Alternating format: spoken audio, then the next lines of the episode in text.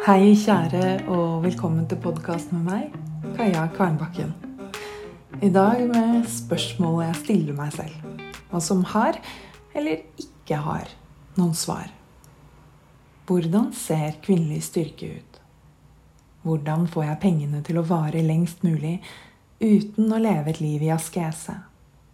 Hvordan skriver jeg ferdig romanen? Hvordan finner jeg glede i å skrive ferdig romanen?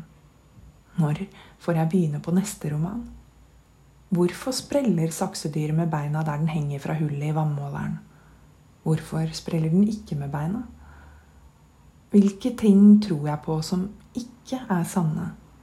Hva gjør det med livet mitt og valgmulighetene mine? Kan jeg bli hel? Hvordan blir jeg kvitt de små, hvite dyrene på monsteraen? Hvordan blir jeg kvitt de små, hvite dyrene under potten på pileaen? Hvilken adventskalender skal gå på TV i år? Hvilke kroker passer til hengekøyestativet? Kommer noen til å lese bøkene mine om 100 år? Spiller det noen rolle?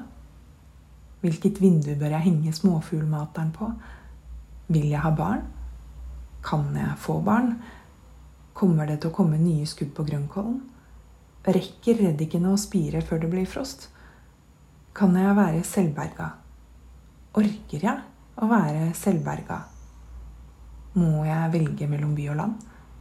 Frihet og tilhørighet? Meg selv og andre? Kan jeg få liv i vannkefiren igjen? Hvilke spørsmål stiller du deg? Måtte du få en helg i trygg forvissning og deilig undring. Vi høres. Stor klem. Din Kaja.